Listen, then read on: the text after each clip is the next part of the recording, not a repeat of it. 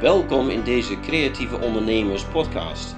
Wij zijn Percy en Ingeborg. wij zijn succesvolle creatieve ondernemers. We genieten van wat we doen.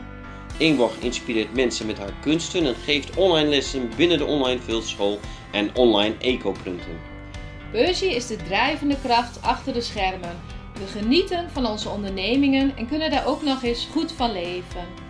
In deze podcast vertellen we over onze ondernemersreis en we hopen jou als creatieveling of kunstenaar te stimuleren om het beste uit jezelf en je onderneming te halen.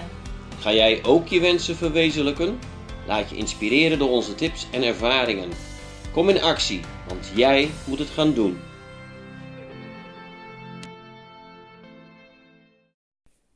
Welkom bij deze podcast weer. Daar zijn we weer, Percy. Ja, Leuk dat we er weer zijn. ja zeker. Weer een mooi thema, denk ik, voor vandaag. Oh ja, waar gaan we het over hebben dan? Nou, ik dacht misschien kunnen we het eens hebben over originaliteit. Uniek zijn. Ja, ik Ah. hoor best wel vaak mensen die ehm, twijfelen of ze wel uniek zijn. Of dat ze nog wel iets toe kunnen voegen aan de wereld of aan de, het spectrum, zeg maar. Of ze nog wel een uniek kunstwerk kunnen maken. Of dat ze nog wel uniek zijn in hun cursusaanbod. En wat ik dan vaak hoor is dat mensen zeggen... Maar er zijn al zoveel mensen die dat doen. Alles is al gedaan. Alles is al een keer gedaan. Aha. Ja, en ehm, klopt dat? Ik denk dat het heel plat gezien misschien wel klopt. Er zijn schilderijen gemaakt van landschappen. Er worden cursussen, filten aangeboden. Er worden schilderslessen gegeven. Dus als je het zo plat bekijkt, dan bestaat alles in principe al. Ja, maar dat heeft dan ook weer een soort van herkenning in zich dan. Hè? Als dan van alles al is gemaakt, dan kan je ook wel ergens in herkennen. Maar wat maakt het dan, wat maakt de ene stuk bijzonderder dan de andere stuk?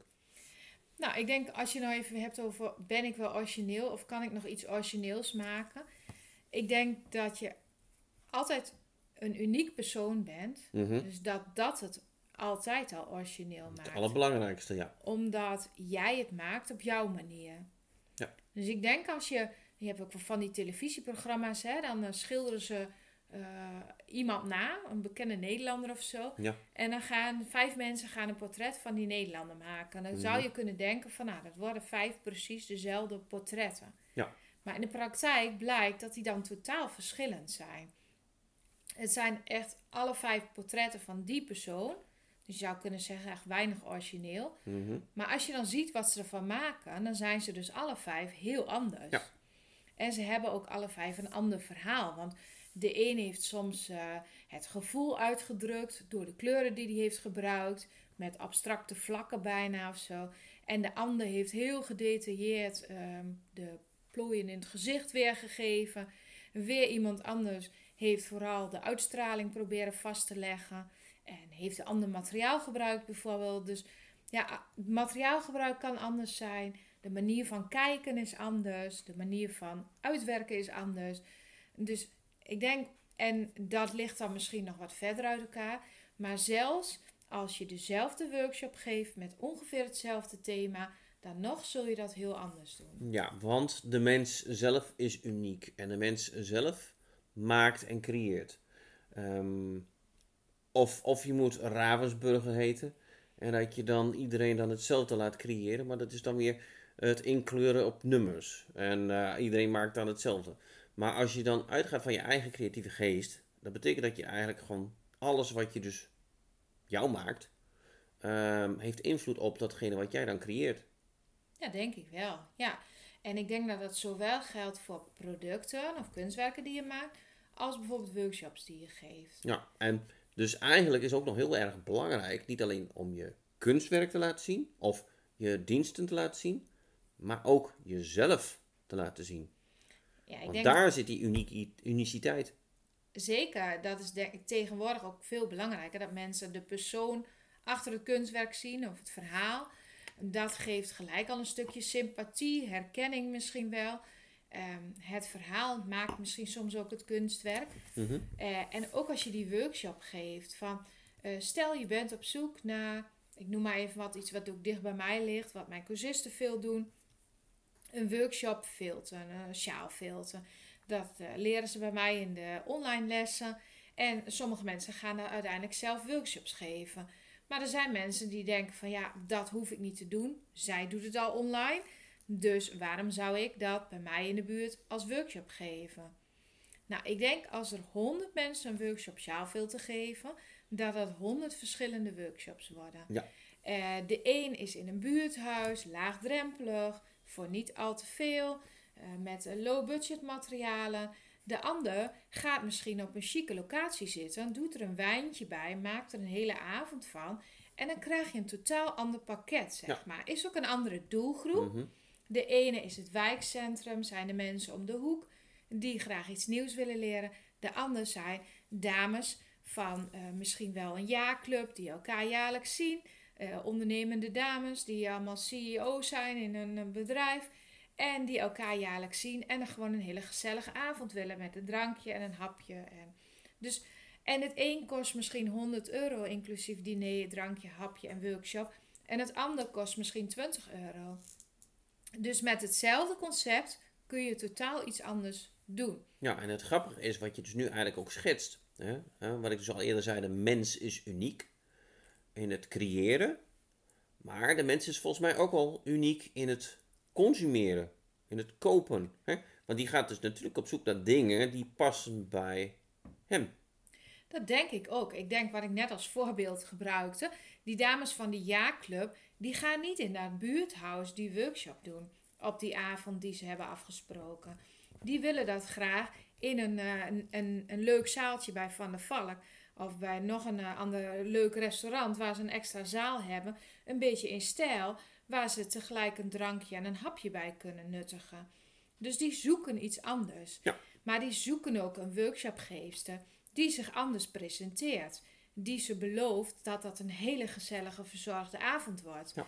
Terwijl die mensen in het buurthuis, die zoeken juist iemand die ze herkennen. Dat ze denken van, dit zou mijn buurvrouw kunnen zijn, dit zou mijn vriendin kunnen zijn. Daar wil ik graag een workshop bij volgen. En dan wordt het gezellig. Ja. Dus kijk gewoon ook echt wat bij jou past en welk pakket bied je aan en op welke manier bied je dat aan. Ja. Het is eigenlijk een beetje een onderwerp wat we misschien wel later een keer, of misschien wel eerder al hebben behandeld, ehm, is de zoektocht naar je eigen doelgroep. Ja, weet je, dat je eigenlijk Ja. een beetje gaat, eh, gaat ehm, nadenken van, hé, hey, wie is mijn doelgroep? Wie zijn die unieke mensen in dit geval, die mijn uniek manier van werken eh, eh, leuk vinden en dan ook iets bij mij kopen of iets van mij afnemen? Dus eigenlijk een beetje een soort zoektocht. Ja, en welke mensen vind ik leuk om een avond of een middag mee door te brengen? Hou jij er meer van om in het buurthuis met een praatje en een drankje en een hapje het hele verhaal van iemand te horen en daar heel veel te kunnen betekenen omdat je er ook bent gewoon? Of hou je er meer van om in een wat chicere entourage eh, ja, meer als een gastvrouw te functioneren? Dus dat zijn verschillende rollen en er zijn vast verschillende personen die dat leuk vinden. Ja. En wat jij net zei ook van de klant, die ook verschillend is. En de klant is in de persoon verschillend, denk ik. Mhm. Maar ook in ehm, zijn behoefte aan het product. Ja, klopt. Kun je je voorstellen wat ik daarmee bedoel? Dat ze niet elke dag ehm, bereid zijn om iets te kopen of iets Nee, te nee, nee. doen? Dat, het, het is ook vaak zo, hè. Het moment van, ehm, van iets zien is ook heel erg bepalend. Ehm, het kan ook zomaar zijn dat iemand dan eerst tien keer jouw werkstuk moet zien... voordat hij er uiteindelijk dan zoiets heeft van... hé, hey, die ga ik kopen. Ehm, en heeft waarschijnlijk dan niet direct van jou als maker gehoord van... hé, hey, eh, dit is mooi, eh, dit zou je eigenlijk moeten gaan kopen. Eh, die heeft het wel gehoord, maar het heeft dus niet geleid tot het aankoop. Maar misschien is wel een buurvrouw of een man of, of een vrouw, wie het ook is, die dus op een gegeven moment heeft gezegd van, is dat niet wat voor jou of zo? En op het moment dat die ene persoon dat tegen jou zegt, en die heeft een bepaalde nou ja, rol eh, ten opzichte van de koper, eh, positieve eh, rol, heeft zoiets van, als hij dat tegen mij zegt of zij tegen mij zegt, nou misschien is het wel bijzonder, misschien moet ik gaan, gaan kopen dan. Ja, dat iemand als het ware toestemming krijgt. Nou ja, Meer een bevestiging in, in, in van gevoel van, hé, hey, ik vind het eigenlijk wel leuk, maar ik koop het niet. Maar als iemand anders dan tegen jou zegt van, hé, hey, je moet eens kopen, joh. En dan streelt het een beetje op een of andere manier. Of het geeft dus in- inderdaad dus een toestemming. Nou, ik heb dat ook wel eens uh, uh, jaren geleden. Ik denk dat het op het moment iets minder is, maar dat is ook een vooroordeel of een oordeel. Maar ik denk uh, 15, 20 jaar geleden hadden er wel eens wat oudere dames ook aan de kraam. Die dan iets heel erg mooi vonden. Heel veel bewondering. Maar die het wel lastig vonden om dat zichzelf toe te staan om te kopen. Mhm. Bijvoorbeeld een sjaal die dan misschien uh, dus 70 of 80 euro kostte. En ze waren helemaal enthousiast over zo'n sjaal en deden hem om. En hij was ook, klopt ook helemaal. En ze hadden ook echt het gevoel van, hé, hey, dit past eigenlijk wel bij me. Hier, hier zou ik wel heel blij van worden. Maar soms legden ze die dan weer terug met het idee van, oh oké, dat kost best veel. Hm. En wil ik zoveel geld aan mezelf uitgeven? Ja, en natuurlijk speelt er ook achter in de hoofd van, goh, uh, die zal waarschijnlijk iets van vinden en die zal waarschijnlijk iets van vinden, dus laat het maar niet doen. En het meest positieve was dan altijd, als er een man bij was, die uh, heel veel om zijn vrouw gaf en die een beetje een bepaalde money mindset ook had van we moeten de uh, plezier hebben van ons geld. Mm -hmm. En die soms dan een vrouw aanmoedigt van, maar schat, als jij dat heel mooi vindt, dan moet je dat gewoon kopen. Ja, ik weet nog dat dat niet eens in woorden hoefde te gaan, alleen maar een knikje was genoeg. Ja, sommigen hadden die verhouding met elkaar inderdaad. Zo van, joh schat, doe dat. En je kan het ook andersom treffen natuurlijk. Als, je met, uh, als er iemand een partner heeft die echt heel zuinig is ingesteld, die dan het advies geeft zo van, uh, joh, uh, doe maar niet, want ja, is toch wel heel erg duur. En daar en daar kan je het goedkoper krijgen. Ja. Dus het is eigenlijk heel bepalend van het moment van um, aankoop. Wanneer gebeurt dat? Dat kan heel divers zijn. Dat kan direct al gebeuren als iemand dan eigenlijk zoiets van: hé, hey, die wil ik hebben en dan neem ik gelijk mee. Maar het kan ook zijn dat je dan uh, eerst een paar keer moet zien. Dat je dan zelf dan um, denkt van: ja, ik wil hem hebben, dus ik koop hem. Of het kan gewoon aan je omgeving, aan de, aan, aan, aan de mensen waarmee je omgaat, kan het daar dan liggen. Dat die dan eigenlijk toestemming moet gaan geven. Ja, dan we begonnen eigenlijk dit verhaal met van, uh, ben ik nog wel origineel of kan ik wel iets origineels nog toevoegen aan de wereld? En wat we eigenlijk noemden in de loop van ons gesprek ook wel is van dat jij als persoon eigenlijk degene bent die het origineel maakt of ja. die een nieuwe combinatie maakt. En ik denk wat het meest waardevolle is om hier ook uit mee te nemen, is dat juist dat stukje, dat je dat ook naar buiten toe moet proberen uh, te laten zien van waarom is jouw werk of jouw manier van werken, waarom is dat zo origineel en waarom uh, springt dat eruit en waarom ja. zou iemand bij jou moeten? Ja, daarom. En het is niet zo dat jouw werk niet uniek is omdat het niet verkocht wordt hoor. Het is meer zo van dat iedereen eigenlijk gewoon uh, unieke wezens zijn en we kopen ook allemaal een beetje op unieke manier. Hè? Alles wordt bepaald door allerlei voorwaarden en, en, en gevoelens en noem maar op. En, het is niet zo dat jouw werk niet uniek is. Jouw werk is uniek. En uh, wees daar heel, uh, laten we zeggen, uh, zorgzaam over. Ja, want niemand kan het maken zoals jij dat doet. Nee, ik denk dat het het allerbelangrijkste is. En voor de rest moeten natuurlijk een aantal andere dingen ook kloppen. Een totale plaatje moet kloppen, zeg maar. Van dat je op de goede punt bent om de juiste klanten te vinden. En dat soort dingen. Dat moet natuurlijk wel bij elkaar komen. Ja. Maar uh, voor de rest inderdaad, uh, ga vooral vanuit je gevoel, vanuit wat jij graag wil maken. Ga daarmee aan de slag. En laat je niet op voorhand tegenhouden door het idee dat je niet meer iets origineels neer zou kunnen zetten. Mm -hmm. Dat is eigenlijk vooral de boodschap van dat vandaag, denk, denk ik wel. ik. Hè? Ja, blijf uniek. Nou, ga er lekker mee aan de slag. Wil je nou nog eens een keer sparren over jouw concept of hoe je dat neer kan zetten of misschien wat scherper aan kunt stellen? Om te kijken van, hé, hey, hoe kan ik er nou iets moois, unieks van mij van maken?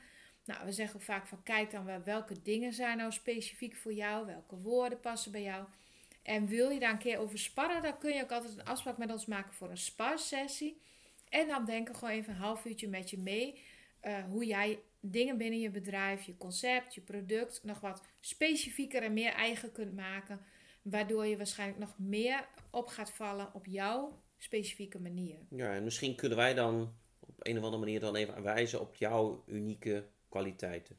Nou, dat is het vaak, denk ik. Een ander ziet vaak nog meer die unieke dingen dan dat je dat zelf ziet. Ja. En uh, nou, zullen we daarmee afsluiten? Ik zou zeggen, maak een afspraak. Ja, ga met ons in gesprek. Vinden we heel leuk om mee te denken. Bedankt voor het luisteren naar deze podcast. We hopen dat je weer geïnspireerd aan je creatieve onderneming gaat werken. Want wensen komen niet vanzelf uit. Die kun je zelf verwezenlijken door duidelijke doelen, door erin te geloven en door structuur en focus aan te brengen. Wil je daar wat ondersteuning bij? Een mentor die met je meekijkt en je aanmoedigt? Wil je onderdeel zijn van een netwerk van creatieve ondernemers? Kijk dan even op de site decreatieveondernemers.nl. We helpen je graag je wensen te verwezenlijken. Ben je geïnspireerd door deze podcast? Geef ons dan een 5 sterren review en deel hem met anderen, zodat we nog meer mensen mogen inspireren om hun wensen werkelijkheid te laten worden.